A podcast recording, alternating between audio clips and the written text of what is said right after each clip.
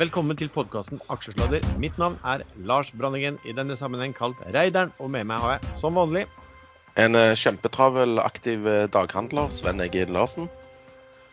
En fullstendig avslappet uh, Erlend Henriksen, som innimellom kalles Jalla-kongen. ja.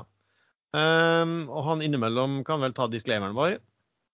Ikke gjør som dere tror vi sier, for vi er fullstendig uansvarlige. Vi ringer råd. Dersom du hører på hva vi sier her om markedet, aksjer, enkeltaksjer og livet for øvrig, er ansvaret helt og holdent ditt eget.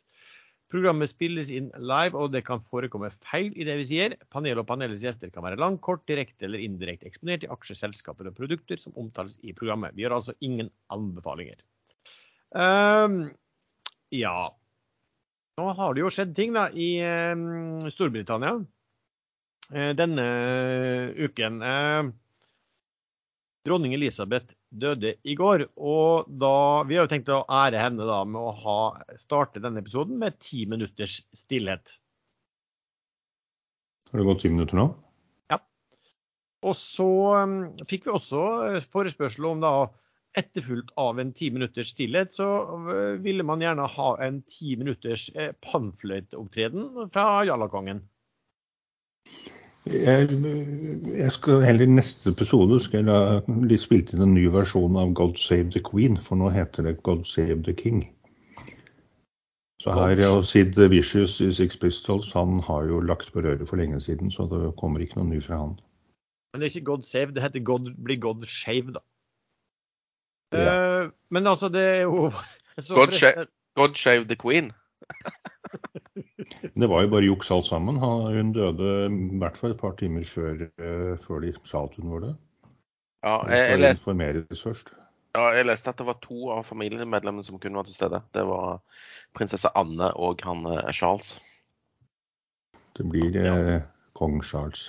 Men det var faktisk en ganske morsom kommentar. Det var bilde av han på, på nettet, så og så sto det at, liksom at eh, endelig eh, 70-åring får endelig jobb. Han er vel over 70. Han er over 70. Jeg så forresten en veldig artig historie i, i dag fra hennes gamle bodyguard. Som eh, Hun har jo et sånn stor eh, bolig eller halvslott oppe i Høyland og er mye der og går tur. Eh, og da bruker hun tydeligvis å stoppe og snakke med folk når hun treffer på veien. Sånn, ja, Hilse og si hei. Da var hun og bodyguarden ute og gikk, og så traff de på et eh, amerikansk par som gikk tur, og de stoppa jo og, og prata. Um, de kjente jo ikke igjen da, dronningen, de amerikanerne. Eh, og spurte, spurte hun hvor hun kom fra, og kom fra London. da. Og ja, hvorfor var hun her? Nei, hun hadde et sånn liten bolig litt, litt, over, litt over åsen der borte. Og så spurte jeg henne hvor lenge hun hadde vært der, liksom. Nei, hun hadde brukt å komme dit siden hun var lita jente, sa hun. Så hun hadde nesten vært liksom opp der i hvert år i 80 år. Hvorpå de da svarte Men da har du sikkert truffet dronningen. For de visste jo at hun var i områdene. Og det endte jo med at hun sa at nei, det hadde du ikke truffet han, men pekte på han bodyguarden sin og sa at han traff, hun, traff dronningen ganske ofte. Og da kasta de der amerikanerne seg rundt halsen på han bodyguarden eh, og, og, og, tok fram kamera og ga kamera til dronninga. Og ba dronninga da ba dronninga da ta bilde av dette her. Og så spurte, samtidig han, spurte de samtidig han bodyguarden hvordan dronningen var, og da sa hun at hun kunne være litt kranglevol av og til. Enden på historien var jo da at han karen fikk jo faktisk eh, tok også bilde av de stående sammen med hun gamle damen de hadde truffet der. Eh, de fortalte ingenting til disse amerikanerne, men når de, eh, når de skiltes, så hadde dronninga sagt til han bodygarden sin at skulle ønske hun kunne vært flue på veggen når de kom tilbake igjen fra USA og viste fram de bildene de hadde tatt. Og hvis det var noen der som, som kjente henne igjen, da. Så det var en, eh, var en bra eh, engelsk humor over det der, syns jeg.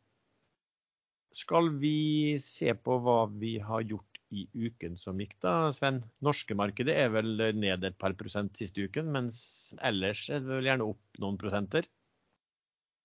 Eh, nei, bare til eh, dette her med denne dronning, eh, dronningdøden. Eh, Jeg ble jo litt sur, jeg. Fordi at uh, jeg satt og så på golf i går. Og den europaturen er jo i London denne uken. Med masse gode spillere, deriblant Hovland. og han spilte jo som en gud i går. Og, og leder sammen med to andre. Og så dør hun dronningen, og så suspenderer de liksom turneringen. Så vet vi jo ikke om den kommer i, i gang igjen. Så det syns jeg Det var veldig dårlig timing? Ekstremt dårlig timing. Men kan, så, de ikke, kan, de ikke, gjøre det sånn som i hopp, da, der de avblåser etter én omgang, og da den som leder, da vinner, liksom? Ja, men du kan ikke ha tre vinnere, så da må jo de Altså, da må du jo ta paper, scissors, uh, rock, uh, for, siden de er i England nå. Uh, men jeg vet ikke hva som kommer til å skje. Men jeg, jeg tror det, denne her landesorgen åpner for at ting kan gå som normalt, bare de liksom uh, ja, har på et sørgebånd eller spiller en nasjonalsang eller et eller annet. For det virker som Premier League kan velge selv om de vil spille kamper eller ikke. Så vi håper det går bra. Men ja, hva jeg har gjort? Jeg har tatt fram håven eh, og fiske bredt i mindre selskaper på Oslo Børs. Og det har ikke vært særlig vellykka, fordi at rekyl eh, har vært veldig liten. Jeg vil si han har vært, eh, altså Oslo Børs er for øyeblikket rekylavers i mindre selskaper, og det har det kanskje vært lenge. Men jeg har tatt imot og tatt imot i noe som heter Techstep, Nordic Unmanned. Uh, Lumi har jeg handla litt i. Um, Kufri der har jeg òg tatt imot litt. Norse har jeg trada litt i. Uh, North Energy har jeg gjort det samme. Men uh, fellesnevneren her er at det er ingen kjøpere. Eh, bortsett fra meg, da, føler jeg. Eh, det er fond, eh, spesielt DNB, SMB Norge, som har solgt bredt i masse av disse aksjene, og det er ikke nok takere til å, til å få litt oppgang igjen. Så da har jeg solgt litt nå, faktisk. OK. Yes. og så har jeg vært med i et nedsalg i Hafnia, som jeg sikkert skal ta under bolken nedsalg og emisjoner. Men det, men det, du opplever, er altså at du syns det er tungt. Det er tungt. Likviditet, likviditeten er, er, enda tyngre. Og med en gang det kommer noen uh, fond som, som, kanskje av og til må selge seg ned, så er det nesten ingen å ta imot? Uh, det er riktig. Du kan f.eks. se på denne her uh, Nordic Unman. da. de hadde jo noen tall, det var ikke så gale. Og de har meldt om kontrakter og alt dette her. Men Altså, Year to date er den aksjen ned 56 uh, og siste uken er den ned Er det 19 eller 10 som står der? Han er ned 20 på en uke. Det er ingen rekylvilje. Det har ikke skjedd egentlig noe negativt. Og det er masse. På volumet i disse medium cap-aksjene eller small cap-aksjene, det er jo ingenting. Nei, det er, det er helt 20 000 kroner og 40 000 kroner omsatt uh, til nå. Så i tillegg til fondene, da, som sikkert må selge for å vekte seg ned relativt, eh, altså eh, de har for mye av eh, enkelte papirer, så, så er det ingen Og retail virker å være borte. De kanskje bruker pengene sine på å betale strømregninger og, og, og kredittkort istedenfor å handle aksjer. Ikke vet jeg. Men jeg har sett dette før, og, og da har det som regel endt dårlig. Ja, fordi at da er det kanskje også mange som sitter der Eh, litt stuck i den type aksjer, og, og, og, kommer det gode nyheter, så er det egentlig bare argument for å komme seg ut? Ja, det, det blir i hvert fall brukt til å, å, å få noe som uh, du kan kjøpe melk og brød med i butikken. Du kan ikke betale med, med nekkeraksjer, for å si det sånn. Erlend, hva har du gjort i uken som gikk? Eller den uken? Nei, Jeg har jo sett det samme som Sven, så jeg jeg er, veldig forsiktig. Det er mye som lukter at det er begynnelsen på et mye større krakk. Uh, makrobildet er jo rett og slett ikke bra. Men eh, se på Hyon f.eks., som jeg egentlig har stor tro på, som Saga har i sin investeringsportefølje. Og de, eh, den er omsatt for Skal vi se her Hy, Hyon, ja. Det er 2000 kroner er den omsatt for i dag. Kursen ligger under da vi har solgt den etter at jeg fant ut at eh, kjøper meg heller inn når de kommer med melding, istedenfor å vente på at det skal komme melding. Så, men jeg tok en liten tredje QEC, og det gikk veldig bra i to-tre dager. Og så, og så fant jeg ut uh, at uh, grunnen til at jeg ikke ser på serier, det er fordi jeg ikke klarer å slutte når jeg begynner. Så jeg tror det var tirsdag så begynte jeg å se på Billy the Kid klokka 11 på kvelden. Og så da seks episoder, og da er det bare å regne seg frem til da var klokka ca. fem da jeg kom meg i seng. Så da jeg sto opp i tolvtiden, hadde QEC ramla 30 øre. Så sjekket jeg kjapt uh, valgkampprognosene for uh, Quebec i Canada og fant at det er 99% sjanse for at dagens regjering eh, blir gjenvalgt nå i oktober. Og de har som, som de som eier QSC og de som vurderer den aksjen vet, så har de forbudt fossil, all fossil utvinning i Quebec. Og da blir det sannsynligvis ikke noe endring på det. Så da vippa han ut med, med nesten 10% tap. Men de pengene gikk inn i Sidring, som gikk opp eh, noen prosent samme dag, men nå ligger den og vaker òg. Sidring er også nesten null volum. 12 000 aksjer omsatt i dag, men det er tross alt på 300 kroner. Så det blir jo, det blir jo litt, litt, mer penger enn disse veldig små. Jeg hadde faktisk en veldig god Sidring når du er inne på den. Jeg fikk kjøpt den under 6, nei, 690. 290, altså 288 var det selger. Og så dagen etterpå så gikk han uh, over 300 fordi at uh, Arctic kom med ny analyse. Det var, det var, koselig. Mer av sånne. Men det, det, dette er sånn skikkelig litt større selskap, og der er det faktisk kjøpere. Selv om det ikke er så mange.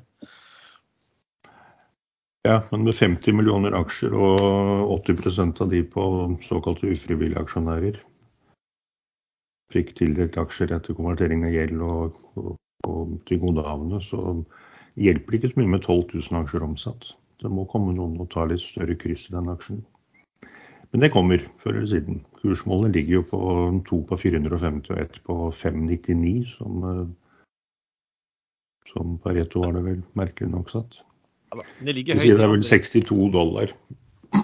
Så. Det ligger høyt i andre riggselskaper også, som kanskje ikke har den samme mengde ufrivillige aksjonærer òg, så det er kanskje litt, litt, av grunnen til det også. Jeg ser jo at det går litt uh, volum i det. Nyhet på Skjelv, så gikk det jo ganske mye på den, bare på den lille. Og de store volum på de her i, i USA også. Men Sidril har jo tradisjonelt vært veldig, veldig likvid. Um, ja, for min del, hva jeg har jeg gjort siden sist? Jeg har da solgt meg ut av dem Valenius Wilhelmsen her. Det, det, så har jeg bytta litt som var litt interessant, da. For at, vi har jo snakka litt om GEG og GEG-R. GEG, eh, det, det, er det samme, det er samme aksjen, men den ene aksjen har ikke kommet prospekter på, så de er formelt sett ikke det som heter GEG-R på, på GEGR på en OTC. Den, den, den, kan ikke handles, De aksjene kan ikke handles på vanlig Oslo Børs før det kommer et prospekt. Uh, og det er nok rett rundt hjørnet, da. Uh, og da var det jo sånn at uh, noen dager her, og det var noe du også har gjort, Sven, kunne man altså kjøpe eh, Gegger. Altså jeg kjøpte Gegger på 3,663 og solgte samme antall via Gegg over 390. Det er jo altfor stor forskjell. Det er jo, det er jo ett et og samme papir. ikke sant? Eneste forskjellen er at det ene er mer likvid enn det andre i noen dager eller kanskje et par uker. Ja, jeg gjorde akkurat det samme, faktisk. Jeg solgte Gegg på 390 og fikk Gegger på 360 jo pent imellom det. Ellers så har jeg vært inne og trada i Skjelf. Eh, jeg har uh, også økt en god del i uh, den som jeg stort sett sier hver episode har økt i, Valaris. Riggselskapet i USA, som er min og klart største posisjon. Og så har jeg også gjort ting i Hafnia, som Sven, som vi skal snakke om. Valaris kom jo med god nyhet i går. At de skal kjøpe tilbake aksjer for 100 millioner dollar. Ja, Ikke sant? Altså det, er jo, det, er jo, det som er kanskje caset med Valaris, er at de, er ferdig restrukturert, og de har, de har ikke noe eh, altså De har, de har nett cash, til forskjell for alle de andre eh, riggselskapene. Og da er de i stand til å begynne å gjøre ting. Da er de i stand til å begynne å gire, de er i stand til å begynne å gjøre tilbakekjøp og gjøre en del sånne saker for å måte, få fram eh, verdiene bedre. Så, så sånn sett så syns jeg risk reward på den ser Eh, kanskje, kanskje, for min del i hvert fall mest fornuftig ut. Eh, selv om at eh, hvis rigg går til himmels, så er det jo hyggelig å sitte på noe som er kjempegira også, selvfølgelig. OK, skal vi ta den bolken da med mm, hva som har skjedd i uken i forhold til emisjoner slash nedsalg, Sven? Ja, det er jo en koselig eh, bolk som er et fast innslag. Hafnia, der var største eier uh, Oaktree uh, Capital et eller annet. De uh, meldte om at de ville selge 8,78% av aksjene i i Hafnia, eh, i en blokk eh, som ble gjort eh, over flere meglerhus, eller i hvert fall to. Og der tegna jeg meg for 120 000 euro. Fikk 2500 aksjer av 42 kroner. Så tildelingen der var rimelig liten. Men det var jo ikke noe gevinst å hente egentlig direkte. Men jeg, jeg, jeg tok og handla litt uh, på 41-tallet etterpå og fikk vippa det ut på 43, så det ble jo pluss til slutt. Men det er litt rar utvikling med tanke på at han var såpass uh, overtegna. At, at salgspresset var så, så høyt for det. I tillegg har du Okea, der eh, det er vel òg største aksjonær et uh, thailandsk selskap som går ut og sier at de skal selge 2,8% av aksjene i Okea starting next week, and we do it over the burst, liksom. Veldig rar måte å, å, å, å gjøre dette på, istedenfor bare ta det på en kveld og bli ferdig med det, liksom. Mm. Jeg så det var meglerhus som reagerte på det også, og sa at dette kunne vi gjort. Men klart, det sier de jo, for de vil jo gjerne ha gode provisjoner på det. Um, disse thailenderne jeg tror de eier 45% eller sånt fra før, så det er jo bare en, en tjuendedel omtrent av beholdningen sin som de skal uh, selge. Og så har det, skrev de vel at det kan skje uh, over en periode på 60 dager. da. Men Okea falt jo ganske mye på den uh, de, de, falt jo omtrent som om den hadde blitt plassert allerede, før, før de hadde begynt å selge. Eh, I går i hvert fall. Jeg vet ikke hvordan jeg skal se hvordan det er i dag. Han er opp 2 i dag, da. Men i går så var han jo ned 6,1% Den var faktisk ned en god del mer i løpet. Han var oppe i minus 9% tror jeg på det meste i går også, før den eh, kom tilbake. Um, Hafni er jo litt morsom, da, for jeg snakka veldig mye om den. og Jeg fortalte vel også at jeg hadde rota meg til å, å egentlig selv, for jeg skulle være sånn helt kortsiktig smart, og så bare fortsatte den opp. Og, og var egentlig litt sånn irritert da. Eh, da, gjorde, da gjorde du egentlig ingenting at først så falt den en del fordi at alle andre på børsene falt en dag, og så kom de samme dag med et, da et, eh, et stort nedsalg. Det var jo nesten 10% av selskapet. Eh, og det ble jo nesten gitt 10% rabatt på det også. Så da, da gikk det jo an å komme seg inn. Og så fikk jeg vel tildeling, sånn som du, Sven, på på minimale deler av hva man tegna seg for, og så, og så, kjøpte jeg en god del mer på, på 41-tallet. Eh, Men du har beholdt de? Jeg har beholdt de, ja. Ja, det var lurt. Den, de, den skal jo inn, inn, inn i OBX-indeksen her eh, den 19. Nei, er det OBX-en, eller er det vi kan, ta, vi kan hoppe over på det temaet egentlig med en, med en gang, Sven. Uh, indeksen Nei, de skal OC, OCBX, selvfølgelig. Skal ja. de inn i. La oss ta det med en gang. Eh, indeksendringer, det er jo alltid interessant som vi snakket om. Hva, hva er det nå som, som skjer på de, disse ulike? Det er vel OBX, og så er det denne som heter fondsindeksen, som er vel de to ja men, det, ja, men det er egentlig OCBX, da. Bare at er OCFX, som er den fondsindeksen som eh, disse forvalterne følger. Men den er akkurat lik eh, som OCBX. Det er kun vektingen. Altså det er de samme aksjene, men vektingen er litt forskjellig i FX versus eh, BX. Da. Men eh, som sagt de samme aksjene. Men eh, etter at vi fikk franske eiere på børsen, så eh, endrer de både OBX og OCBX eh, samtidig. Så det er jo da, da, er det litt mer action på indeksdag. Så det er jo morsomt. Men vi kan jo ta OBX-en først, da. Uh, de som ryker ut, er Aker, Gjensidig forsikring og Scatec Solar. Uh, mens Kongsberg Gruppen, PGS og Vår Energi eh, går inn. Og jeg hadde tenkt egentlig når jeg så disse her endringene, at jeg skulle kjøpe Vår Energi. Fordi at det, det kommer til å bli kjøpt aksjer der framover mot inklusjonsdagen. Som er etter close 16.9, sa jeg at det. Det er jo nå på, er nå på fredag, det. Er ikke den 16. på fredag neste fredag? Neste fredag den 16. Stemmer. Ja, riktig. Eh, men jeg gjorde ikke det fordi at eh, Eni, som er stor eier i, i vår, eh, de utløpsperioden for deres lockup, eh, den gikk ut nå en av disse dagene. Så jeg lurer på, meg på om de kommer til å bruke denne indeksinkluderingen som eh, en unnskyldning for å sette en blokk. Og da vil jeg heller være med på den blokken og få 2000 aksjer der eh, istedenfor å kjøpe nå. Men eh, aksjen er jo opp i dag, da. Men det kan jo ha noe med at olje og gass er litt opp. Jeg kan nevne da bare Hafnia. Eh, De satte jo den eh, misjonen, eller nedsalget sitt. Eh, Samme dag ble det jo også kjent at Hafnia skulle jo inn i den indeksen, ikke sant? Ja, OC, OCBX. Ja, og det var jo ikke tilfeldig. Altså, dette, dette visste de nok om. for jeg vet at DNB har regna på det før og sagt, skrevet at Hafnia kom til å gå inn. Så de var nok tima jo nok det er veldig godt at nedsalg kombinert med at fond ville ha behov for aksjer eh, til, til å, å, å, å, å ta den andelen av indeksen som man skulle ha. Ja, og det er jo veldig bra. For det, da, altså, da får du aksjonærer som ikke bare hiver rett ut igjen. Ja. Uh, men uh, vi kan jo ta OCBX-endringene òg samtidig. Uh, de som ryker ut, er Aker Carbon Capture, Gaming Innovation, Nordic Nanovector. Ja, den er blitt ganske liten nå etter hvert.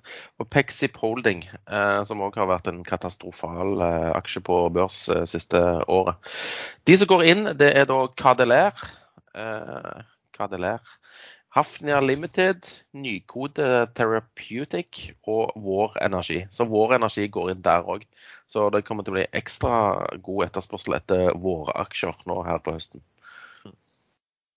Jeg tenkte også som du i forhold til vår også, og tenkte også på det samme at kanskje de det, det kan være smart uh, å gjøre et nytt nedsalg når eh, fondene må, må, må vekte seg opp i den. Det nedsalget kommer neppe i dag, men jeg tipper det kan komme uh, mandag-tirsdag. Eh, Og- Og du har jo Pareto sin eh, energikonferanse i tillegg, som kommer til å gi boost til både olje og offshore. Stemmer det, for den er på onsdag og torsdag. Det stemmer. Og, og der skal jeg. Ja, da er vi to. Ja. Så vi gjør, så, gjør forsøk som, som vi gjorde før finanskrisen, og, og på å tømme baren. Men Eh. vi klar, klarer det jo aldri. Skulle hatt med oss Erlend. Vi, bruker, Ja, hadde vi vi, har jo ofte klart det såpass bra at, at oppmøtet og, og tilstedeværelsen dagen etterpå, på dag, dag, dag to, har vært litt mer mager. Ja, men sånn er det alltid. eh, Uavhengig av uh, vannstanden i baren, for å si det sånn. Men, det, men på den konferansen så bruker det å skje en del ting. Da. Det er typisk at det kommer en del eh, deals, og, og, og Pareto står vel mer enn gjerne klar til å hente penger fra selskapet i forbindelse med det også. Jeg trodde du siktet til eh, ons ja, når du sa at det skjer en del ting. Nei, det er i Stavanger, det. Men, eh, men Sven, eh, det er vel, altså en ting er hvem, hvem som går inn og ut, og så er det også da Sitter vi da de fondene og følger med på endret vekting. Ja. Har du sett, har du sett noe på Jeg har ikke sett uh, prosentsatsene eh, på det, spesielt uh, Obexon Obex eh, Nei, det er vel OCFX det pleier å være endring. Ja. Uh, men ja, nei, jeg har ikke sett detaljert, fordi den børsmeldingen som ble sendt ut, den er uten vekting. Så jeg vet ikke om det kommer en litt mer detaljert melding før indeksendringene faktisk eh, trår i kraft. Det pleier å gjøre det. Ja, for det, det setter jeg også så på. for jeg vet at eh, når, var, når DNB hadde beregna dette her eh, for eh, over en uke siden, for nesten et par uker siden, så hadde de, de antok da at vektingen av Norsk Hydro skulle en hel del ned, og at vektingen av Aker BP skulle en hel del opp.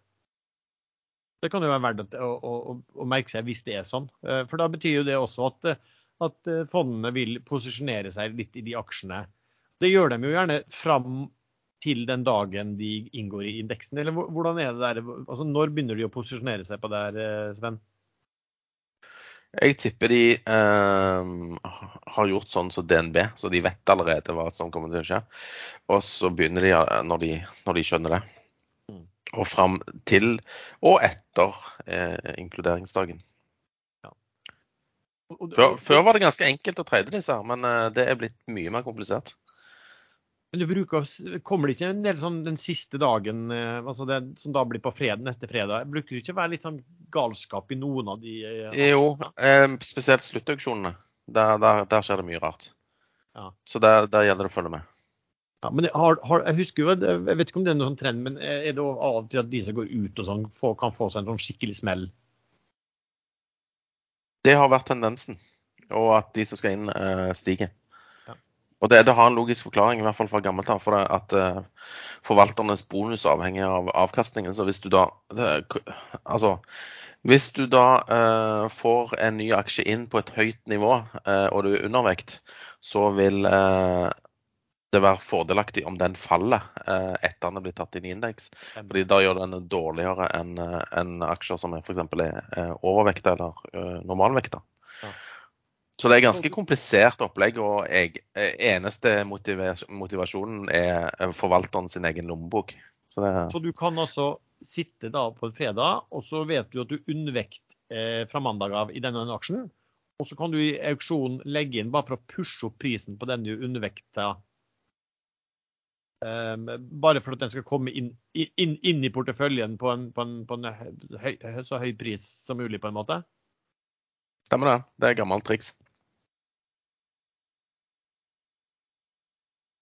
Bruker du å trade på indeksendringer, Erlend? Nei, jeg gjør ikke det. Det, det, det er ikke noe jalla-indeks der? Nei, det, det, er jo ikke alltid det slår til, dette her heller.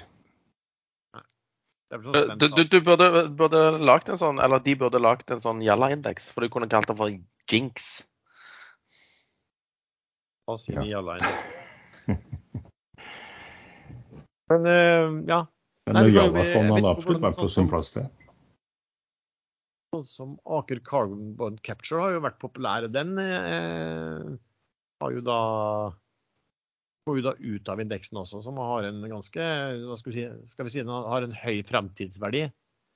11,1 milliarder. Nå, nå har i og for seg falt en del. Siste uke er jo ned 10% og siste måned 20% Så det kan jo være også at en del har begynt å posisjonere seg for at den skal ut, ser jeg, for den har falt mye av de, ja, de siste halvannen ukene. har den falt ganske jevnt og trutt. Bare, bare tilbake til, til, det med selgerne som vi snakker om i mindre selskaper. Jeg, jeg tredde litt i det Nekkar. Eh, har kjøpt litt under syv, og så selger han på syv. Eh, der kom det plutselig en aggressiv selger som nå ligger skjult på, på 6,80. Så, og, og, der virker det som om ja, ikke så mange som har lyst til å, å kjøpe der heller. Men er, er ikke den, har ikke den falt så mye fra toppen at man risikerer at det kommer litt tvangssalg der? Det, det, tror jeg kan være i, i, i, de fleste, liksom. Men hvis du skal sjekke noe her veldig fort, hvem som har solgt siste uken, og det er Avanza Bank, eh, Nordnett Bank eh, Det var ikke de store volumene. Og Barclays har solgt litt. Så jeg har òg merka i, i, i, disse litt mindre at det er Nordnett og Avanza og retail som selger unna. Så det er jo muligens en trend her, da. Erlend, har du oversikt over disse her? Altså I dag klokken, nå er klokken 13.45 her vi snakker, og om 45 minutter så skal det vel være en, være en pressekonferanse knytta til at EU sine energiministre møtes i dag og diskuterer eh, diverse tiltak knyttet til energikostnader. Hva, hva er det liksom man forventer seg skal skje, Erlend? Nei, det er EU eh, e vil på en eller annen måte få gjennomført uh, flere tiltak. Innføre et inntektstak for selskap som produserer strøm. Uh, innføre et pristak på russisk gass. Innføre et mål om å redusere forbruk av energi. Innføre et solidaritetsfradrag for olje- og gasselskaper og så skal det sikre at kraftprodusenter får støtte til å håndtere uroen i markedet. Dvs. Si at disse store uh, aktørene ikke konker når, uh, når fastprisavtaler osv. plutselig må innløses. Nå husker jeg ikke nøyaktig hva som var det store problemet, men fortømmene i Finland sliter jo kraftig med likviditeten. Så de har uh, inngått lange avtaler og annet som gjør at ja, Det viktigste var kanskje at risikoen øker, så Nasdaq og den andre krottbørsen, Nordpol er det vel eh, Ikke Nordpol, eh, hva heter den siste? Store internasjonalt. Ja, uansett. Euronext er det vel som er den andre store. Ja. Er, er det strømbørs du er ute etter, så er det Nordpol som er en av de store. Ja, Men uansett så krever de at aktørene stiller mye høyere sikkerhet. Og da har eh, diverse regjeringer i mange land uh, måttet komme på banen og stille garantier, så ikke de, disse konker. Hvis de konker, så sliter faktisk Da ramler hele systemet fra hverandre. Det blir jo ja. Altså- men, men, men det, det, er litt interessant med at hvorfor må de stille så mye sikkerhet? Fordi at de har jo solgt strøm fram i tid. Og de tjener jo løpende godt med penger på strømmen de selger nå. Fordi at kostnaden med å produsere den strømmen er mye lavere. Men det som er, er grunnen for at de må stille sikkerhet, det er jo at differansen mellom det de har solgt denne strømmen for i fremtiden og uh, den faktiske markedsprisen er blitt mye større. Og så for å forsikre seg om at de faktisk får levering av denne strømmen i fremtiden, så må du stille den sikkerheten der basert på prisene akkurat nå. For de må forsikre seg om at eh, hvis de ikke klarer å levere strømmen, så får de i hvert fall solgt den til samme pris. Ikke sant. Så dette er jo Einar Aas-situasjon, men i mye større omfang. Nei, men, men, det er jo ikke det. Altså, det å snakke om at de skal gå konkurs, eh, altså, det er jo faktisk bare tull. Fordi at de, de, er jo ikke utsatt på den måten. Det, problemet deres er at de er nødt til å sette ja, det, det, Dette er jo en, en hedging. altså De har solgt noen ting som de har fram i tid. Og fordi at det de har eh, varierer så mye i pris, så må de sette inn ekstra sikkerhet. Men det er jo en litt forskjell da, mellom hvis du sier som Fortun, hvis de selger eh, strøm i, i, i framtiden, og så må de sitte og, og innbetale margin calls. Men de har jo faktisk denne strømmen som de kan levere til akkurat den prisen som til slutt vil gjelde. Nei, du, du kan ikke vite det. For plutselig så er det noen som bomber et eller annet, en dam eller noe. Så har du jo plutselig ikke den strømmen. Nei, nei. Det, jeg ser den. Men, men liksom det å snakke om at sånn i utgangspunktet at man sitter på noe, en produksjon, eh, og så går man konk fordi at man har solgt den på, eh, på forhånd, eh, til, til, noe man ellers vil tjene på. Eh, det blir litt sånn fagfelt. Så jeg skjønner veldig godt at man gir en, en, en sånn likviditetsstøtte til, til de tingene. I hvert fall til de aktørene der som, som er rene industrielle, da, som faktisk har, som, som, har det de eh, lager. Det, det, er forskjell på at hvis det kommer en Hvis vi hadde sittet her og trada på dette her, så hadde det vært forskjell, for vi har jo ikke strømproduksjon eh, eller produksjon av energi selv. Eh, så vi, så vi, kan jo ikke så vi har jo ikke noe, det er ikke noe, Da ville ikke vært noe hedging for oss. Det ville vært bare en, bare en spekulasjon. ikke sant? Ja, finansiell eksponering, og vi måtte fått gang på dynamoen på, på ergometersykkelen. ja, jeg ser faktisk Men, akkurat nå så en melding her på TDN om at uh, to EU-diplomater som sier at uh, forslaget om å innføre pristak på russisk gass fikk ikke bred støtte fra EU-ministre på møtet fredag. Men hva bred støtte er, det er jo ja, det ikke hva men det er jo det som kan berøre Norge, eh, i hvert fall noen som tror det. Det er at EU setter et pristak på gass som også vil berøre Norge. Eh, og der har Støre sagt at vi utelukker ingenting. Vi kan være med og se på alt. Men det folk ikke får med seg, det er jo at Støre har presisert at det er ikke regjeringen som selger, det er ikke Norge AS Norge som selger gass til utlandet, det er selskapene. Og det kan ikke Støre eller regjeringen instruere disse selskapene til å akseptere et pristak. Eh, de kan gi en anbefaling, eh, og det kan godt være at det er veldig fornuftig av Norge å nå akseptere f.eks. veldig lange fastprisavtaler på 10 eller 20 år. Det pleier ofte å lønne seg å inngå sånne avtaler når prisen er veldig høy. For det skal ikke så veldig mye til før gassprisen går rett i kjelleren igjen hvis det blir slutt på krigen. Eh, og det kommer jo nå i 2024 vel veldig mye ny gass på markedet. Og UK åpnet opp for fracking. Og der skriver de at de regner med at allerede om seks måneder så vil den første gassen fra disse frackingfeltene som ble stengt, de vil komme ut på markedet. Så fastprisavtaler nå, 10-20 år fram i tiden for Norge, vil sannsynligvis lønne seg for de norske selskapene som eksporterer gassen. Ja, for det, det, EU vil gjøre, at de vil betale mye mindre nå enn hva, hva den ekstremt høye spotprisen nå. Og så vil de heller da betale mer i framtiden, og, og motsatt for de som er selgere. De får mindre nå, men så kan de da få en gunstigere avtale på over veldig mange år. Men folk må skjerpe seg litt eh, når man leser rundt på diverse forum og noen sammenligner Støre med Quisling fordi han lar seg styre fra utlandet, så, så burde de faktisk vært fratatt lisensen for å skrive noe offentlig i offentlig rom. Jeg ser også det ganske, ganske oppegående profilerte folk i Norge som kjører et sånn massivt hatangrep på Støre uansett hva han gjør og uansett hva han sier. Det Støre gjør, det er sannsynligvis akkurat det samme som Erna ville gjort, nemlig minst mulig. Det er ikke så mye vi kan gjøre. Jeg leste om at eh, Holland, altså Nederland, har et stort gassfelt som de har skjøtta inn i Groningen. Og Der kunne de jo ha, ha henta ut en del gass, men pga. den uh, faren for jordskjelv ved fracking, så, så vil de ikke dette her. Kanskje forstå Nei, det, det. Jeg møtte faktisk en hollender i sommer på et utested. Vi satt og snakket litt om det. Han var ganske oppegående. Han bor i det området. Han sa Uh, antall jordskjelv økte veldig kraftig en periode, så ble antall jordskjelv redusert uh, nesten tilbake til der det var før de startet frackingen, uh, når de begynte å kutte ut dette her for et par år siden.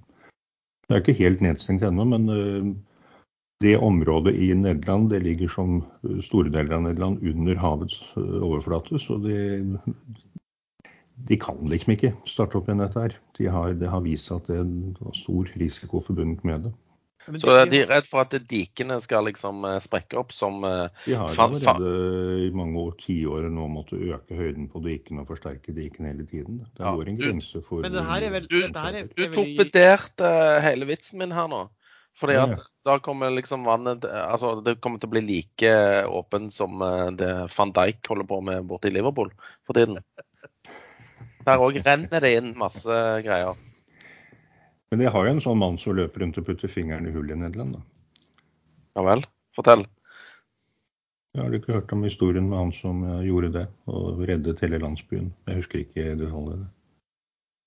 Uh, nei, jeg kan ikke si jeg husker den historien. Men, men du, den her i Gråningen, det er vel et landbruksområde som er spredt Jeg Så det, det sto noen historier, en, en sånn stor artikkel om det her. og der man hadde betalt erstatning for folk fikk litt mer sånn skakkehus og alt det, for det var mye jordskjelv. Men det var faktisk intervju med en da som var en sånn bonde der, som sa at han var for at de skulle begynne å flekke der. Han sa han mente at det, det, måtte, det måtte, til nå, liksom, sånn som det så ut i, i Europa, gassprisen sånn sett. Så fikk man heller tåle det i en periode.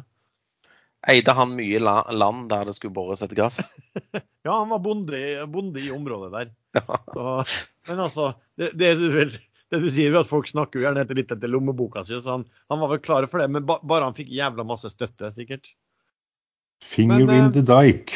What does finger in the dike mean? Og det går tilbake til en historie om en liten gutt som stakk fingeren sin inn i diket som holdt på å sprekke. Er det derfor lesbiske ble kalt dikes på, på engelsk? Nei, men Når du snakker om lesbisk nå, etter din lille tirade mot, uh, mot, lesbiske lyttere, så har faktisk uh, iTunes slettet mange av episodene våre. Uh, så vi, man får ikke hentet dem opp lenger. Så nå er det veldig viktig at man hører på Aksjeslaget med en gang den kommer ut, så man ikke risikerer at vi blir sensurert bort. Men du, Erlend, du nevnte jo da, når du snakket om altså nevnte du UK.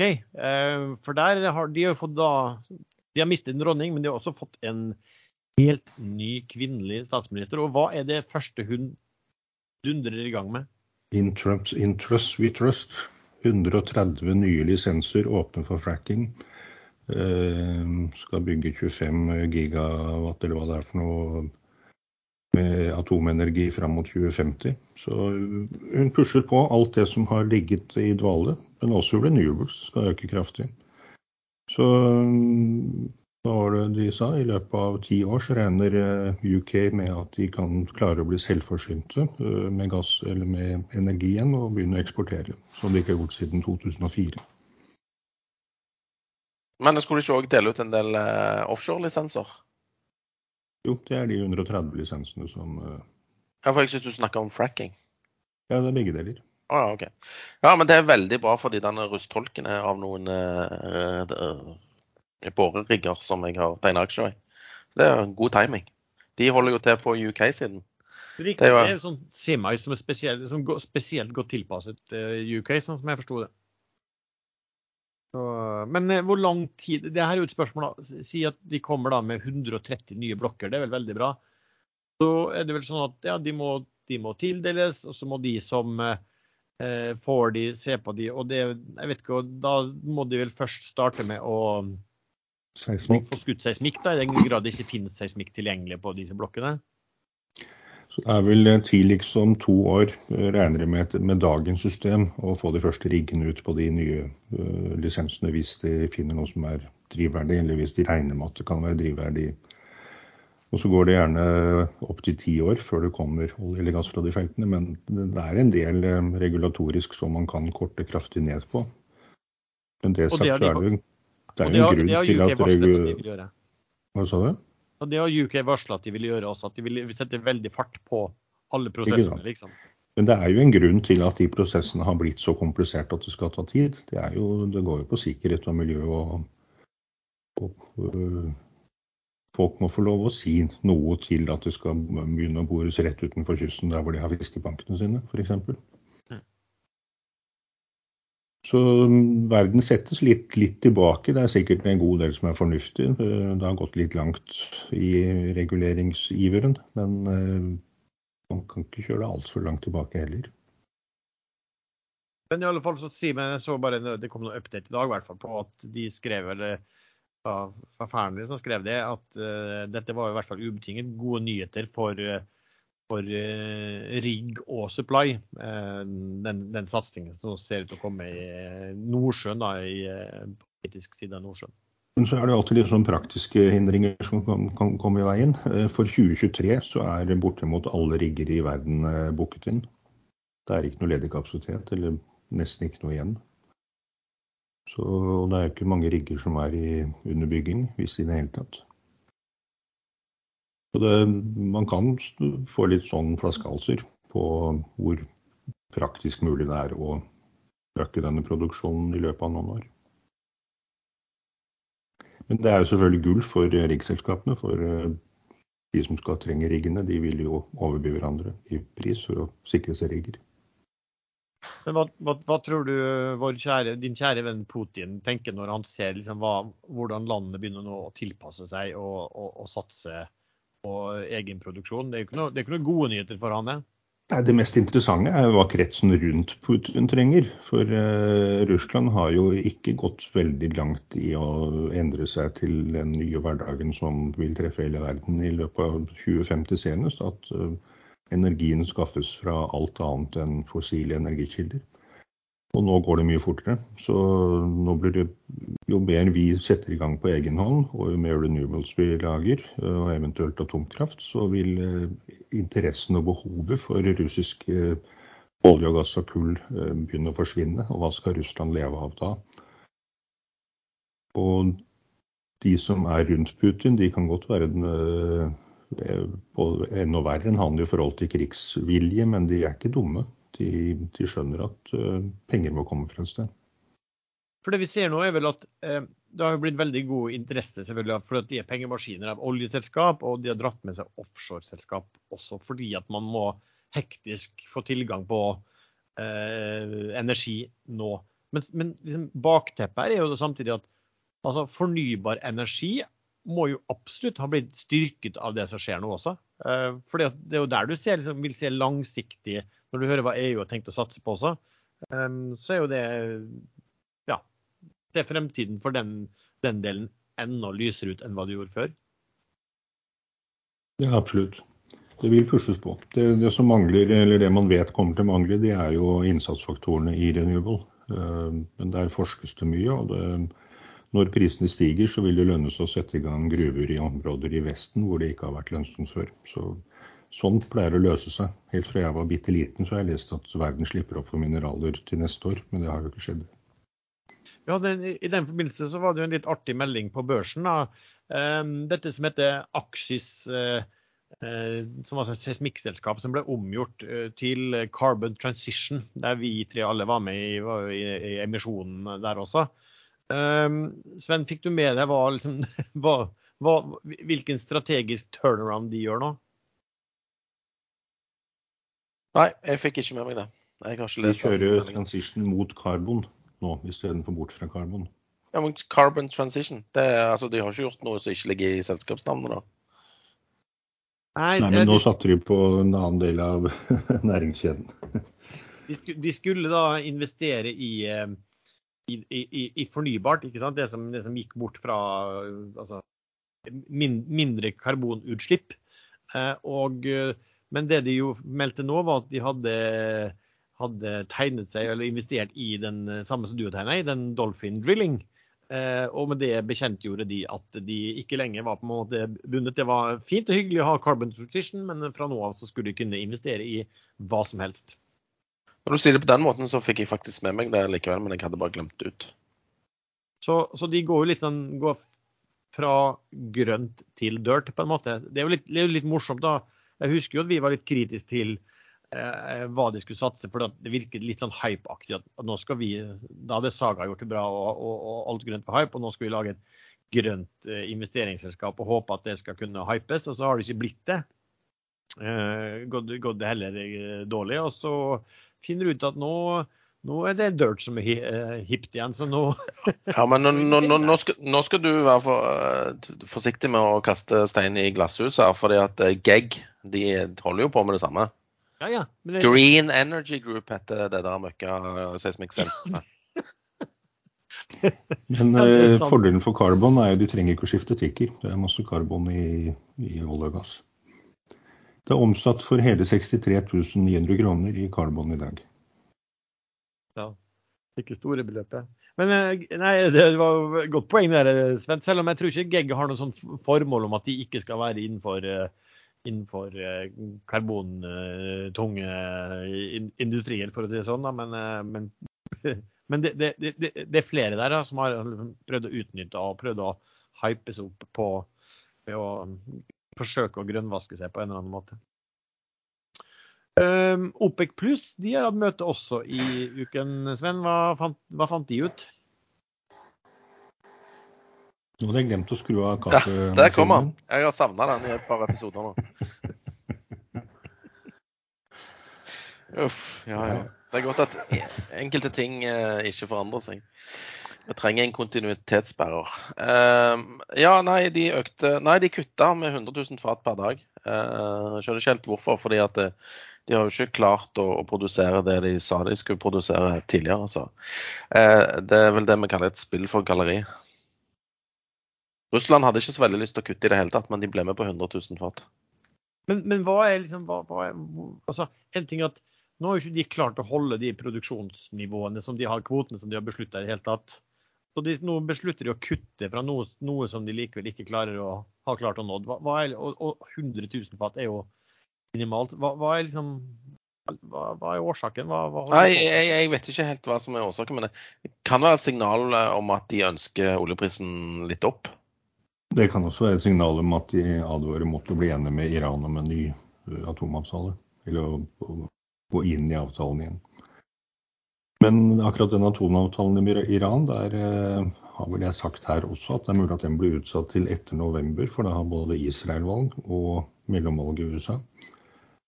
Um, og det er ikke akkurat noe stor uh, vinnersak for Biden å gå inn i den avtalen igjen. I hvert fall så vil republikanerne kjøre så hardt de kan på at det er negativt. Så nå ser det ut til å være mer eller mindre offisielt at uh, verken USA eller Israel uh, ønsker å pushe litt på denne her før etter november. Etter valgene i november. Ja, politisk sett er det vel viktigste for Biden nå er vel å fortsette å selge ut av det strategiske oljelageret sitt for å holde i hvert fall eh, oljeprisen nede på Ja, det er ut oktober, er det ikke det? Og så er det slutt. Ja, de har vel meldt at de sannsynligvis ville forlenge videre på det også. Så det viktigste nå er vel egentlig at eh, det, som sagt, det er vel å, de, å prøve å gjøre det meste for at ikke den prisen skal stikke av eh, før etter valget. Vet du hvor lenge siden det er at de strategiske oljelagene har vært så lave som nå? Du må helt tilbake til 1984, leste jeg i går. Jo, men det er jo lovgivningen er sånn at så lenge USA importerer olje, er nettoimportør av eh, olje og gass, så, så må det være fyllingsgrad i lagrene. Men så lenge USA er nettoeksportør, så kan det være null. Ingen krav til å ha lager i det hele tatt. Jeg vet ikke om de forteller Vi, vi, vi snakka jo om altså at nå skal de få lov til å kjøpe eh, eh, olje i, med framtidig levering også.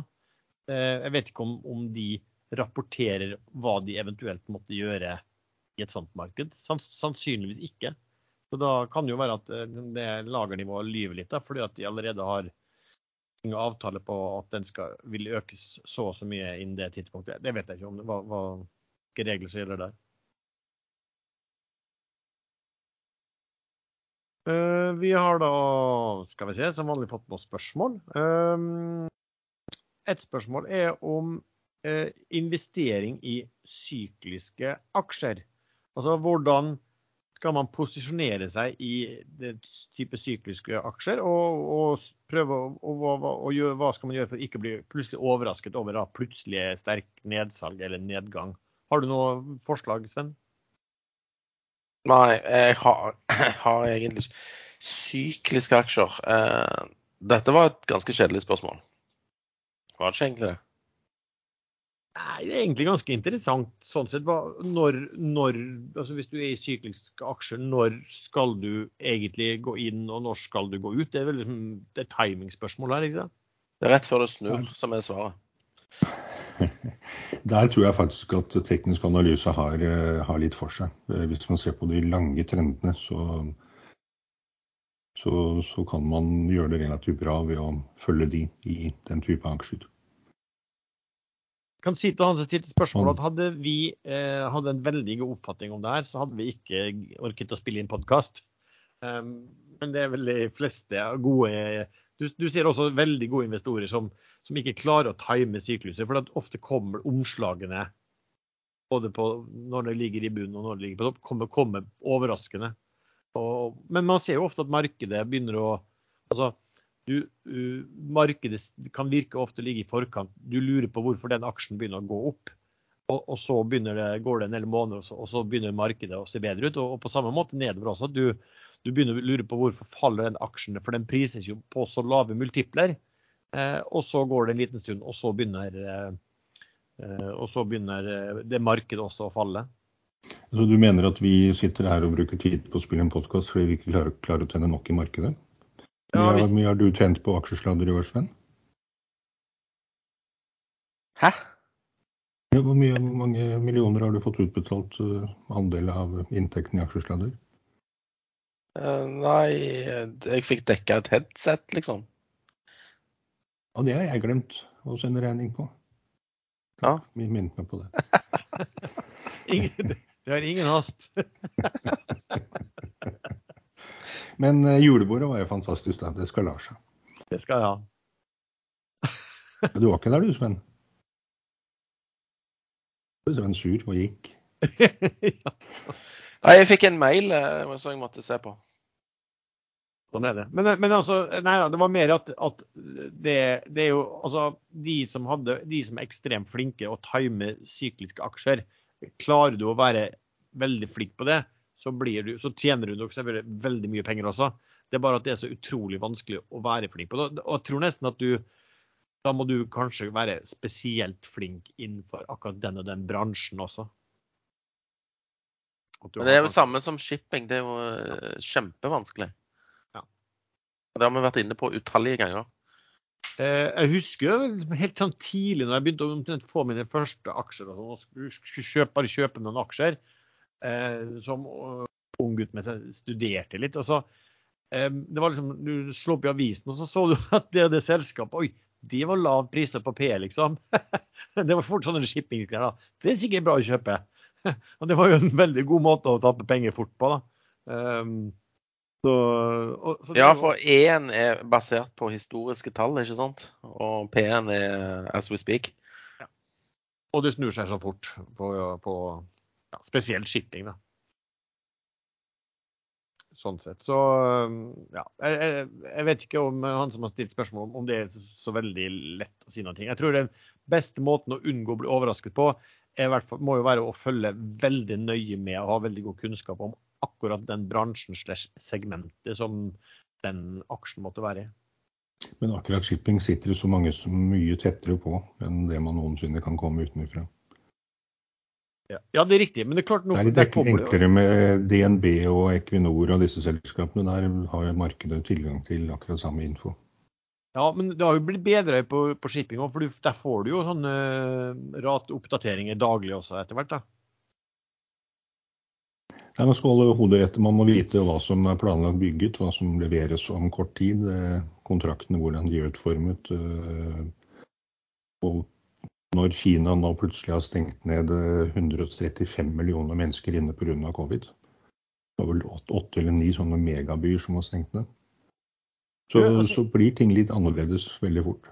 En ting som, som forundrer meg med, med, med Kina altså Når de jo nedstenger de, det- må jo ha noen helt enorme kostnader for, for samfunnet. Eh, og vi, vi har jo en som er omtrent sånn prins, snart skal bli prins i Norge. Som, som sånn kan helbrede alt sånn covid og de tingene. Hvorfor får de ikke han, han Durex forrykt? eh, Hvorfor får de ikke det han ned til Kina for å fikse dette her? Tror du, tror du ikke de har tenkt på det, Erlend? Nei, det tror jeg faktisk ikke de har tenkt på. Det, jeg leste akkurat en artikkel om Andrew Tate. Eh, Ja, det var noe helt annet. en helt klin idiot som folk følger og lytter til og syns er fantastisk. Nei, Det er så mye konspirasjonsteorier, men tror, der tror jeg akkurat Kina har en fordel med sensursystemet sitt. At de slipper ikke så mye av det ut i samfunnet som, som folk blir utsatt for her. Det, men det er klart, det, han, han, Durexen skulle vel selge en sånn medaljong for 2000 kroner stykket. sånn. Det er jo mye penger det for en eh, vanlig eh, kineser. Det blir, blir mye penger hvis han selger det i Kina, kanskje. Men vaginarensingen hans er jo egentlig enda mer interessant. Da. Jeg lurer litt på hvordan det gjennomføres i praksis. Da lurer du egentlig på det. Nei, jeg lurer ikke på det. Men jeg kan ikke si det her, for da blir episoden da slipper vi inn på iTunes engang. Ja, Vi kan jo kanskje starte med også, spørs om ikke vi også skal starte med å selge noen sånne medaljonger. Hvis du sliter du med aksjetap, så kan du kvitte deg med det ved å kjøpe denne medaljongen, aksjesladdermedaljongen. Det var faktisk en god forretningsidé. Apropos sjarlatan, liksom. Ja, Insta så har vi fått spørsmål igjen, eh, Sven. Eh, Hva er posisjonen din der? Der har jeg null aksjer, og det har jeg sagt i en tidligere episode, så jeg anbefaler folk å få med seg alle episodene, ikke bare de de har lyst til å høre på. Eh, Så der har jeg null. Eh, Jeg, eh, det er stor usikkerhet. Transaksjonen skulle vært gjort innen 30.9. Det ser jo veldig dårlig ut. Så spørsmålet er om ting blir forlenga, eller om danskene prøver å snike seg ut bakveien uten at det får konsekvenser. Men det kommer nok til å få konsekvenser. Men over til noe som er litt viktigere her. så er Nå etter klokken tolv var det et møte i England, og Premier League har vedtatt å utsette helgens kamper. Det er muligens en god ting for eh, Liverpool, da, som har slitt litt i det siste. Men det er ikke en god ting for meg, for jeg driver jo øh, med sånn tippekuponger. I går fikk jeg tolv rett igjen for øvrig. Men det har jeg vel klart å fortelle alle som vil og ikke vil høre på. Nei, hvor mye var premien? Det ble totalt med elver og tiere så ble det nesten 25 000 kroner. Jøss. Ja, ikke galt, det. Grei pluss. Ja, ja, absolutt grei pluss. Jeg er liksom nesten litt sånn, det, det er fascinert når du skriver om det av og til. Det, altså, at, jeg tenkte første gang sånn, jøss, finnes tippekuponger ennå, liksom? Man må tippe øh, kontrært øh, hvis man tipper på de som Jeg kan jo ikke fotball, og det er jo den store edgen min. Eh, så- Akkurat som i aksjemarkedet, skal du si. Ja, så har jeg ikke noen preferanser. Er, jeg ser jo gang på gang det er jo Folk tipper jo alltid Manchester United ennå, selv om ikke de har vært flinke de siste par-tre årene. Det har jeg fått med. Det er jo 80% som tipper seier til Manchester United, uansett hvem de spiller mot. Og Der er det mye penger å hente på å tippe motsatt. Ja, det var, var det ikke veldig god odds på den der, mm, eh, på Napoli på hjemmebane mot eh, Liverpool i, i uka? Jo, der tippet jeg hjemme uavgjort, og den gikk inn. Det, det var Denne ukas midtukekupong var fordelt på onsdag og torsdag, og den kampen eh, var kamp nummer én. og Der satt jeg hjemme uavgjort, og der hadde 80% eller noe sånt tippet uh, borteseier til Liverpool. Så folk må slutte å tippe med hjertet, man må tippe med hodet. Men det som er noe, noe dritt eh, når, eh, når kampene avlyses, det er at de da blir trukket. Nå har ikke jeg sjekket hva som er på tippekupongen denne uken, men sånne kamper som trekkes, det, de påstår at det gjøres ut fra sannsynligheten eh, etter hvor folk har tippet. Da skal det jo selvfølgelig være teoretisk smartere å tippe hjemmeseier eller borteseier til Manchester United hvis flertallet har tippet det, men det, det er rett og slett ikke enkelt å tippe de kampene som trekkes hvor jeg ikke gidder å levere kupong denne uka. Skal vi se et annet spørsmål her, så er det Ja, det er noe nytt på onkopeptides, eh, Erlend? Det nærmer seg annonsert nytt. Eh, FDA i USA skal, eh, skal avgjøre om de trekker tilbake advarselen sin mot økt dødelighet i det produktet. Det er bare 14 dager til ca. Og kursen er nå på nå over 36 igjen i dag. Det var nede på 26 eh, for en uke eller to siden. Helt til han teite styreformannen eh, gjorde et innsidekjøp og kursen stakk opp, istedenfor å sette gapet ned til 14 kroner. 13,98 som jeg satte håpet på. Så den løper litt fra meg akkurat nå. Eh, jeg har isteden valgt å satse på Seadrill, som det, var akkurat ti ganger forskjell på kursen eh, da jeg kjøpte Seadrill på 283 i snitt eh, i første runden opp. Da var Onkopeptides på vei ned fra 28,3 til lenger ned, så da så det smart ut først. Så solgte jeg all Seadrill på rundt 305 eh, i snitt eller noe sånt. Da er inne igjen nå på rett under 300 i snitt. Den, den må jo da opp til 356 kroner før eh, den tar igjennom Copeptides nå. Det er jo stryke opp, det. Men et spørsmål. Eh, Supply-selskapene dundrer jo opp, men har falt en god del tilbake igjen eh, i den siste perioden. Kommer det en ny sånn oppgangsrunde der eh, framover med det første, tror du? Jeg tror det gjør det, men den var jo veldig bratt den første oppgangen, og da skal det gjerne reverseres litt. Innimellom så faller jo sånn 50% av oppgangen. Altså ikke 50% av kursen, men fra der det startet å dra opp. En ren teknisk justering, og så drar det på igjen. Det er jo, alt tyder jo på at det blir veldig stor etterspørsel lenger framover. Hvis da ikke krigen skulle slutte på en brå måte. Etter sånn som CM Offshore, som nå ligger på litt over 11 kroner, var jo oppe i da 19 på det, på det øverste. Men den kom, jo da på 3,40 på det laveste i år, da, så har fått sånn fantastisk oppgang. og da gikk vel Sveas gikk vel inn rundt en 6-7 kroner i, og kjøpte en stor post der. Men se på Eidesvik Offshore, den er omsatt for 227 kroner i dag. Den gikk jo fra firetallet til over tolv, og ligger nå på rett under åtte. Så omsetningen er jo helt borte. Vi har blitt spurt om litt sånn rangering på det. Jeg bruker å lage med et sånt regneark, men det har jeg ikke oppdatert i, i, det siste. så det tror jeg må gjøre igjen, så det blir lettere kanskje å bare sånn rent tallmessig men bare sånn fra det jeg nevnte i stad, at det faller ofte 50 av oppgangen. Den startet på rett under 4 kroner og gikk til rett over 12. Var nå på rett under 8, så da har den falt akkurat 50, akkurat ca. 50 av oppgangen. Mm. Har du tro på eh, supply neste tida, Sven? Nei. Enkelt og greit. Uh, Hvorfor, Sven? Du spør meg et konkret spørsmål. Har jeg tro på supply i korte bilder? Så jeg svarer nei. Ja. Jeg har ikke tro på det. Okay. Ja, ja. Ingen begrunnelse. Det har vel vært veldig gode rater i en periode, og så har det vel vært litt sånn spot, da. Ja, men hva, er det som skjer mot vinteren? Aktiviteten i, Nordsjøen det går ned. Mm. Og hva skjer når aktiviteten går ned? Da går ratene ned. Og vet du hva som skjer når ratene går ned, Erlend? Ja, da går aksjekursene ned. Riktig. Ja. Eller ikke så mye opp som man håper på. Ja, men, men eh, aksjemarkedet vil jo allerede i høst forberede seg på hva som skjer til våren. våren. Ja. ja. til dels gjør den det, men man ser jo ofte at, at eh, markedet blir veldig prega av eh, spot-slutninger, selv om man kanskje vet at det, det er sesongmessighet. Eller, eller kanskje det har kommet ganske mange inn i aksjen som heller ikke vet, og som bare freaker litt out når de ser at oi, her begynner det å bli mer ledige båter i, i spotten enn hva det var for uh, halvannen måned siden.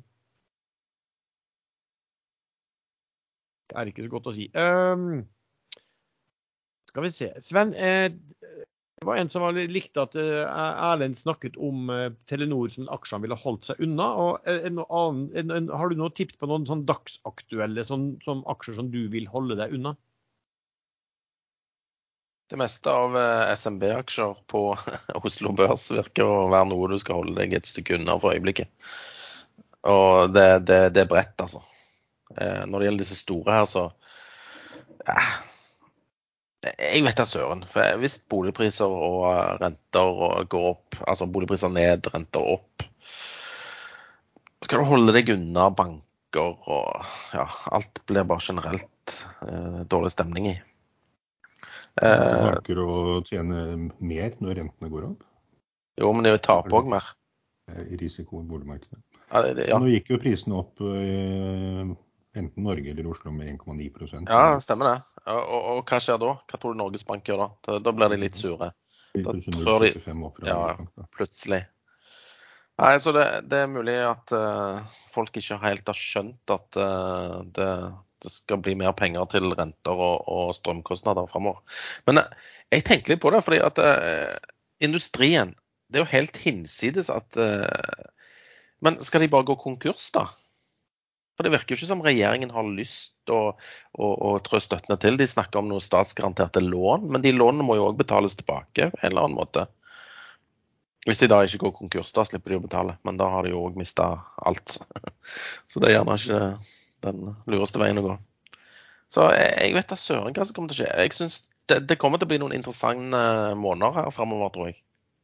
Men, men, det er jo ikke bare industrien vår, det, det er jo industrien i andre land også. Ja, men det er jo industrien, det òg. Selv om de ligger i andre land. Ja. Og, og, der får de vel eh, enda mindre støtte. Så de må jo bare stenge ned. Altså De som har buffer, eh, likviditetsbuffer, de overlever. Og de som ikke har, de går eh, over ende. Og folk mister jobber. Og, men det ble jo starta opp igjen på eller annen, et eller annet tidspunkt. Men jeg tenker jo primært på oss som har da hytte, som heller ikke får eh, strømstøtte. Eh, og i Sirdalen eh, spesielt, der er det ganske kaldt om vinteren, og du må ha på gulvvarme, ellers er det jo ulevelig. Og du, må, du kan fyre i, i, i, ovnen da, og slippe å, å, å, bruke strøm på oppvarming. Men allikevel Hørt om ullsokker i sånne tøfler? Ja, men du må jo dusje òg, da. Eh, så, så det, vokste opp på en hytte som ikke var strøm på. Det var iskaldt om vinteren. og Vi gikk på ski gjennom tre kilometer og måtte lage eget spor i halvannen meter nysende. Og iskaldt på hytta. Jeg syntes det var koselig. Ja, men altså når du da... Og surret oss inn i masse klær og ja, Hvordan laget du mat, da? Grilla du? Nei, altså Fyrte opp bål i stua, eller hva, hva gjorde du? Nei, vi hadde jo gass. Ja. gass, eh, Propangass. Ja, sånn på hold? Så hadde vi en ovn. Jøtulovn. OK. Ja, nei, men jeg, jeg, ser veldig dystert på den uh, kommende vinteren.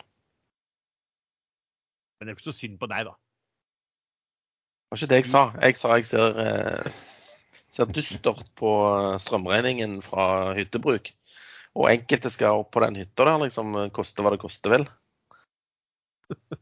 Men det er veldig sjelden jeg syns forslag fra SV er gode, men det var vel de som foreslo at man skulle kombinere lån til bedrifter med redusering av lånet hvis pengene ble brukt til enøktiltak.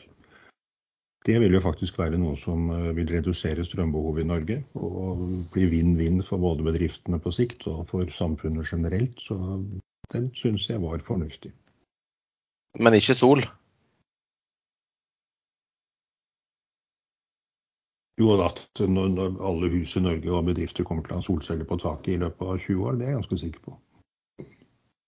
Skal vi se, er, er det en spørsmål om Solceller er jo enøktiltak. Ja, men du sa vinn-vinn. Ah, ja. Sol-vind, da. For eksempel. La oss komme oss videre. Uh, Erlend, uh, spørsmål ja. om Du har jo hatt synspunkter på Desert Control. Uh, det er alltid noen som spør om det. Er det noe som skjer der, eller er det ja. Ser man på aksjekursen, så, så, skjer det ikke så mye. Jeg leser litt nyheter innimellom at de har satt i gang og begynt å selge og fått partner og starte opp i USA osv. Men eh, nå ligger kursen på 23 kroner. Den var vel oppå Den var på over 40 kroner i januar. Det jeg ser her, for jeg kom til å tenke på når jeg så den, så var det jo eh, Kan man jo snakke litt om typisk sånn innsidekjøp. Av og til så syns jeg noe sånn innsidekjøp eh, når det meldes, bærer preg av av og til at det, når mange kommer samtidig, nesten sånn kommandert ut. og det er da jeg begynner å lure på om det, det gir signaler om, bo, om, bonuser, og de bruker det til å kjøpe aksjer. Men av og til så ser du også typer som, som slår meg som litt sånn meningsløse i forhold til størrelsen. Da var det sånn i, i Jeg skjønner hva du skal si nå. Hva skal jeg, si? akkurat på børsmeldingen. Og du gjør det, ja? ja. CEO kjører, kjøpte 1500 aksjer eh, av 24 kroner. Da liksom Man hadde 805 000 etter det kjøpet. Så, ja. så hvis du har 800, 803 500 aksjer i Desert Control, som er verdt en del, hvorfor skal du orke å kjøpe 1500 nye til 24 kroner. Det, det, for meg så slår det meg mest som altså For det er beløpet lite, man har så mye fra før. Nesten litt sånn nå, nå, har det blitt så jævlig mye mas fra folk på den aksjekursen at nå, man, nå må jeg nesten kjøpe noen aksjer for å måte, holde folk noenlunde Men jeg har ikke lyst. Ja, signaliserer det. Det, det signaliserer meg. Men jeg, jeg, må, men jeg har ikke lyst. Så derfor blir det da, da blir det liksom en dårlig rødvin i helgen istedenfor. Så det, det, er noen sånne kjøp som, som du, du, sitter og føler gir liksom altså, eh, som, som, skulle gi et godt signal, men som eh, av og til heller gir et litt sånn smådesperat eh, signal. Og så er jeg også sånn alltid skeptisk når det kommer eh, når, når, mange innsidere samtidig har valgt å kjøpe, hvis det ikke er sånn at de er ute av en spesiell periode eller det har kommet en spesiell nyhet. da også litt, sånn, litt, litt, tvilende til om fant alle disse ut samtidig at de hadde lyst til å kjøpe aksjer, liksom. Eh, men, men, men hvor, hvor, blir det av innsidekjøperne i Lumi-gruppen? Det er jo bare han der technical officeren som har uh, punga ut. CFO og CEO de har ikke trødd til i noe nevneverdig grad. Jo, uh, nei, det er riktig. CEO har ikke kjøpt i det hele tatt. Nei, det er skuffende. Sjefen, IT-sjefen har kjøpt, og så hun som er sjef for, for HR, og så var det ei som var sjef for den resonansdelen, som var altså en del av det. Uh, men ja, det, det, CFO har kjøpt for 3000, 3000 aksjer. Det, det, var hans første 3000, altså det er jo litt bedre signal. Uh, men CEO har ikke kjøpt. Og det er jo no, noe som jeg har sett etter selv i den aksjen. Vi har faktisk fått spørsmål om den, om vi er inne eller ute. Du er vel ute Sven? ikke?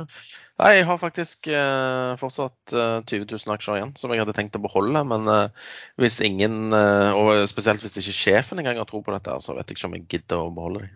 Men Da er det et lite problem, Sven. For hvis du skal ut med 20 000 aksjer i dag, så må du ned på under 7 kroner, ser det ut som. Ja, men, 167 500 kroner i dag.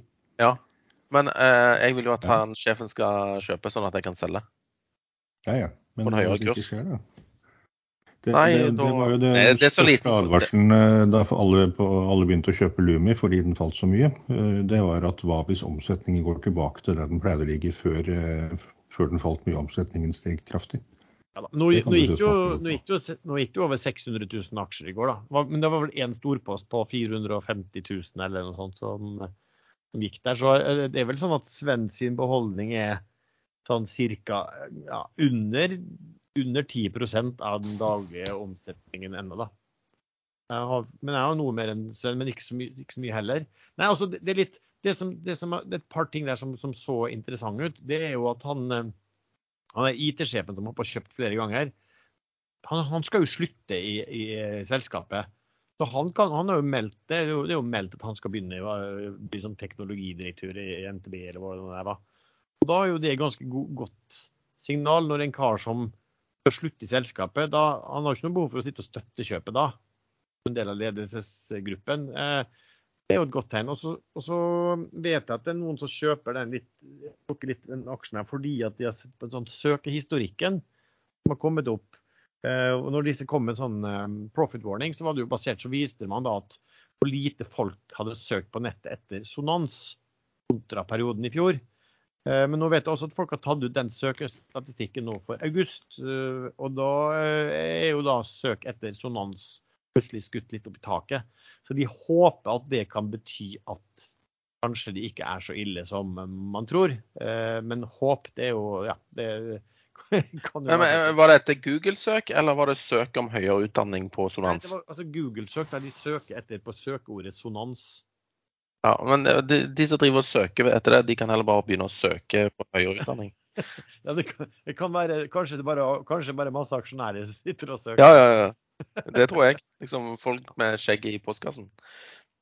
Nei, så den er, det er jo en, det er jo sånn som Vi har jo sagt det før også, at den er, den er veldig lite eh, likvid. Og der kan det skje der kan det skje egentlig eh, mye rart. Det er, det er litt vanskelig å ha noe sterk oppfatning ene eller andre veien. Det skal komme en oppdatering tror jeg, nå i slutten av, midten av neste uke, faktisk. tror jeg. Eh, da vet man sikkert litt mer.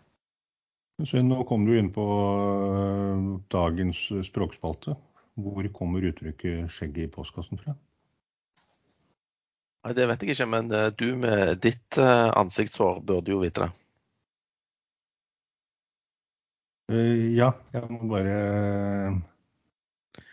Kommer du ut av Jeg postkassen må jo google. ja, det er et nordisk uttrykk fra 1950-årene. Å komme i klemme og være i knipe, betyr det. Så da vet vi det. Skjegget i brevlådan, som det heter på svensk.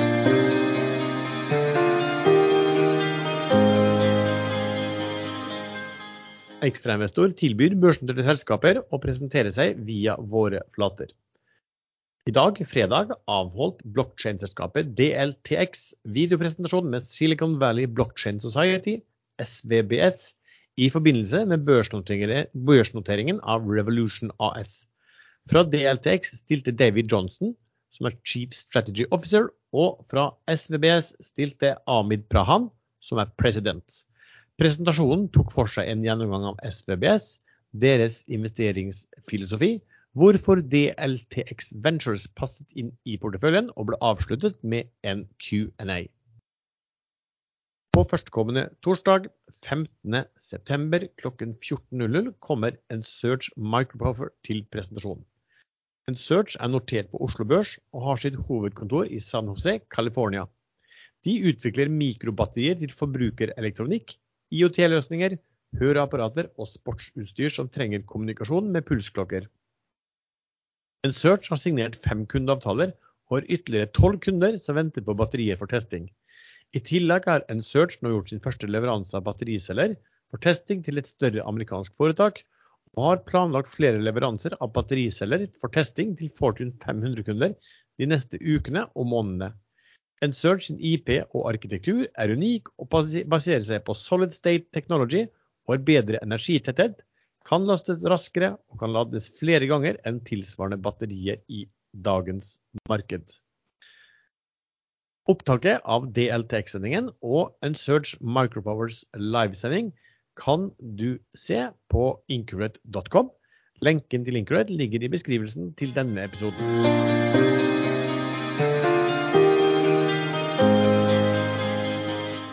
Er det noe annet dere har lyst å øh, snakke om, eller skal vi ta start, komme oss over på hva som er favoritten for uken som kommer? Da gjør vi det. Sven, hva har du å komme med? Ja, det er like vanskelig som alltid. Eh, forrige uke så trakk jeg fram null. Eh, den eh, fortsatte bare å falle eh, til eh, Han gikk vel under ti kroner òg. Ja, ja, han faller alltid mot null. Alle aksjer som faller, faller mot null. Det bare trodde jeg du visste. Men uh, Den er eh, for så vidt et godt poeng. ja.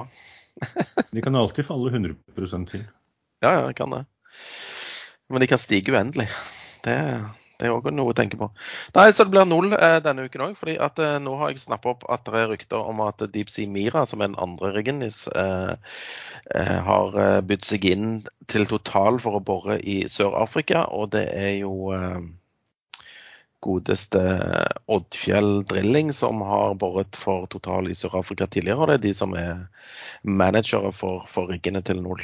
Eh, så hvis det skjer, så har du plutselig to rigger i arbeid i Af Afrika. Og da må jo et eller annet skje med inntjeningen i, i det selskapet, og ikke minst cashflowen. cashflowen. Så jeg eh, solgte null, og så kjøpte jeg tilbake under ti igjen. Så da har jeg mer null enn det jeg hadde i forrige uke. Så da det, det er null. Og så er det dette offshoreseminaret der eh, andre Null skal presentere seg sammen med 200 andre eh, energirelaterte selskaper. Men jeg ser mest fram til sushien.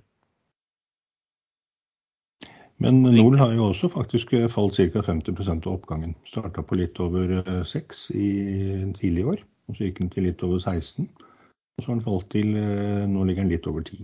Ja, og, og, og med kjempeinteresse i den emisjonen på 1260. Men uh, virker som folk bare er noen kortsiktige spekulanter når de holder på og tar i disse emisjonene.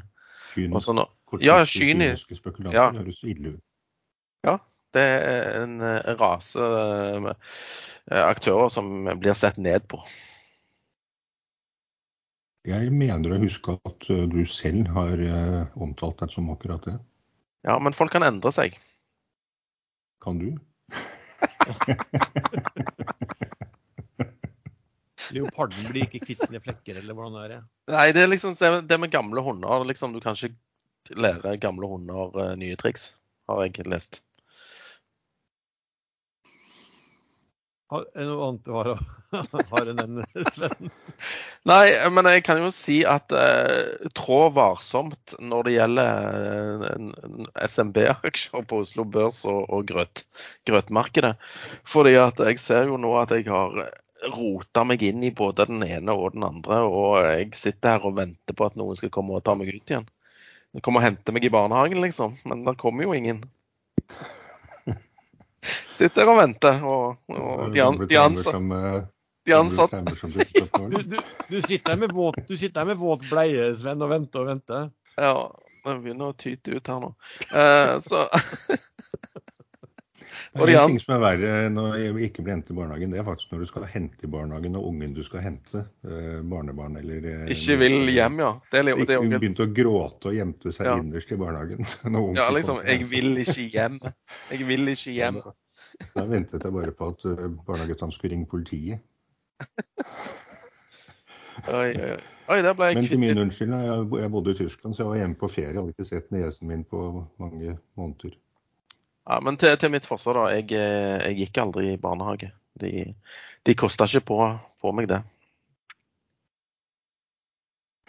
Erlend, har du noe å komme med på kommende uke? Eh, ja, jeg kan jo først av den aksjen jeg har, det er jo Sidril. Og der eh, må det snart skje noe. At noen begynner å kjøpe blokk. Noen begynner å blokkselge aksjene sine. Bare vent til neste uke. De skal òg presentere seg oppe i Holmenkollen. Ja, og så går det rykter om at de er ute på noe såkalt non-deal roadshow med DNB. Uh, at de skal, eller er, er, på det nå. Det navnet synes jeg høres merkelig ut. Kan du forklare hva et non-deal roadshow er, Sven? Jeg tror det er at de ikke skal hente penger, men at de skal presentere, presentere seg for eh, potensielle investorer som har lyst til å ta noen blokker i dette nedsalget fra de ufrivillige aksjonærene. Ikke sant. Så da, da, kan det jo være at det skjer noe.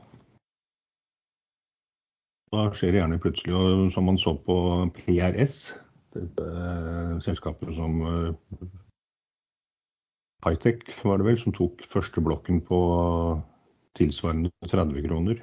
Når det først begynte å bli kjøpt blokker der, så gikk det fort. Da gikk kursen fra 80-90 kroner opp til 256, var det vel. Så alt er mulig. Men en aksje jeg vil advare litt sterkt mot, et potensielt vakuum-case, det er SAS. Eh, nå kom jo denne advarselen litt sent ut i markedet, men jeg skrev det på Ekstrainvestor i går. På onsdag var det et møte i konkursdomstolen i New York, og da var denne, denne dommeren eh, Skal vi se hva han heter. Det var litt viktig. Nå har jeg mista hele den linken, gitt. Nei, Michael E. Wiles han satte seg på bakbena fordi han mente at Apollo, som er denne store långiveren, som også har rett til å konvertere deler av lånet til aksjer, har fått altfor gode betingelser.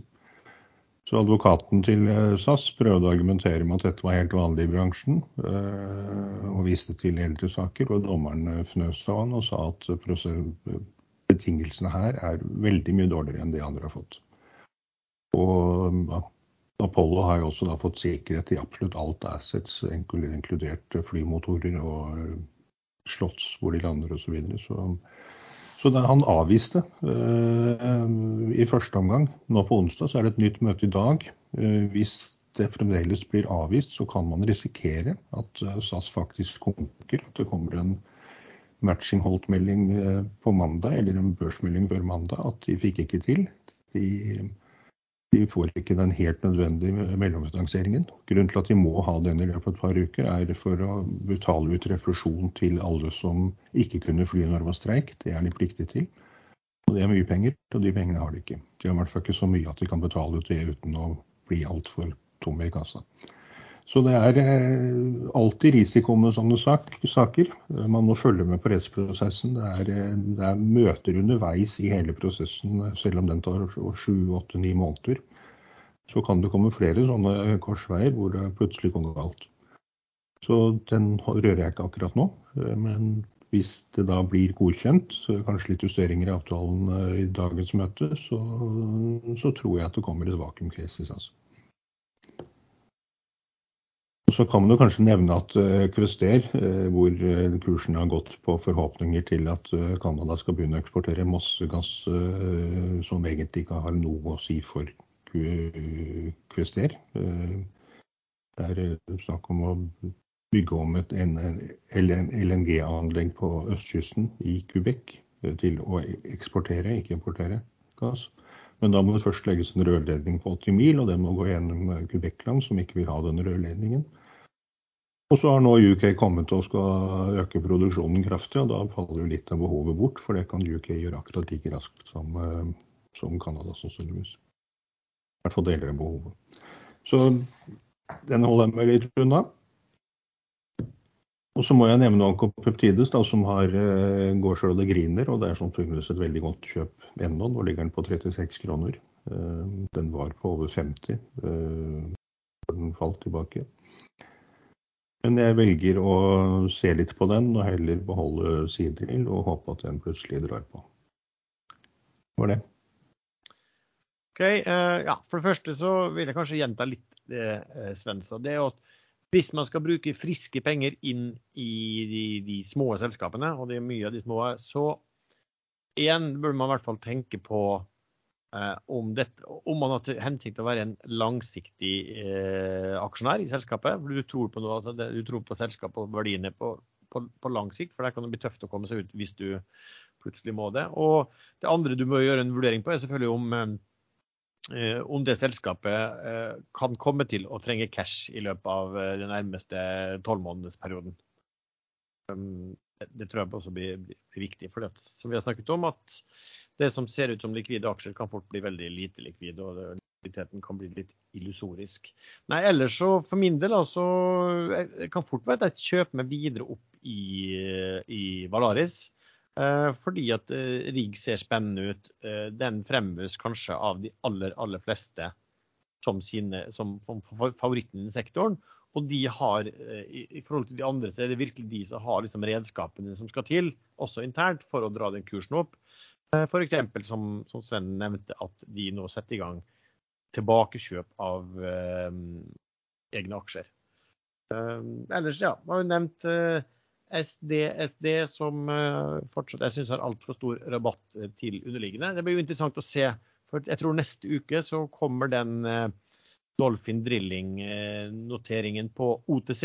Først vil den OTC så tar det vel en tid før den kan komme seg på Euronext Growth, tenker jeg. Men da vil du få en prissetting eh, på den også. Og, og, den betyr jo en del av SD-SD-verdiene sammen med denne sammen med du, Standard Supply, som også en god del av børsen eh, i dag.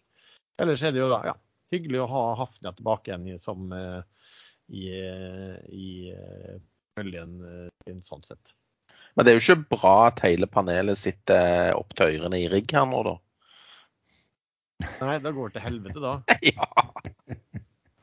Men, men litt sånn, det er også litt en grunn til at jeg, til at jeg vil eie Valaris, er jo at den er, den er, såpass likvid at hvis jeg har lyst til å komme meg ut av den, så, så tar det meg jo ikke mange minuttene å, å, å være ute av den.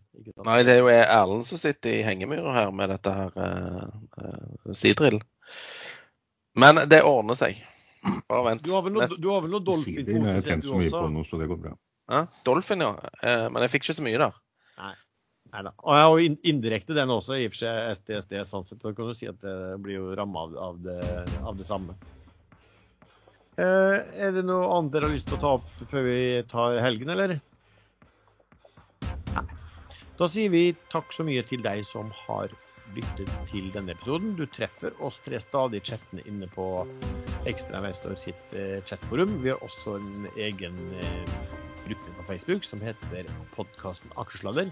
Musikken som vanlig laget av sjazz.com, og vi høres. Hvis det går til helvete med alle rigginvesteringene våre, er det sånn at vi da må begynne å betale for å være med på, for å være med og spille inn aksjeladder? Eh, ja, jeg har begynt å skissere opp en eller annen plan på det. Mm. Da må jeg låne penger av deg, Sven. Hva for noe? Hvis man, hvis vi, må, betale for å få lov å være med og spille aksjesladder, hvis Lars taper alle pengene sine på rigg, da må jeg låne penger av deg. Nei, Lars taper aldri penger på rigg.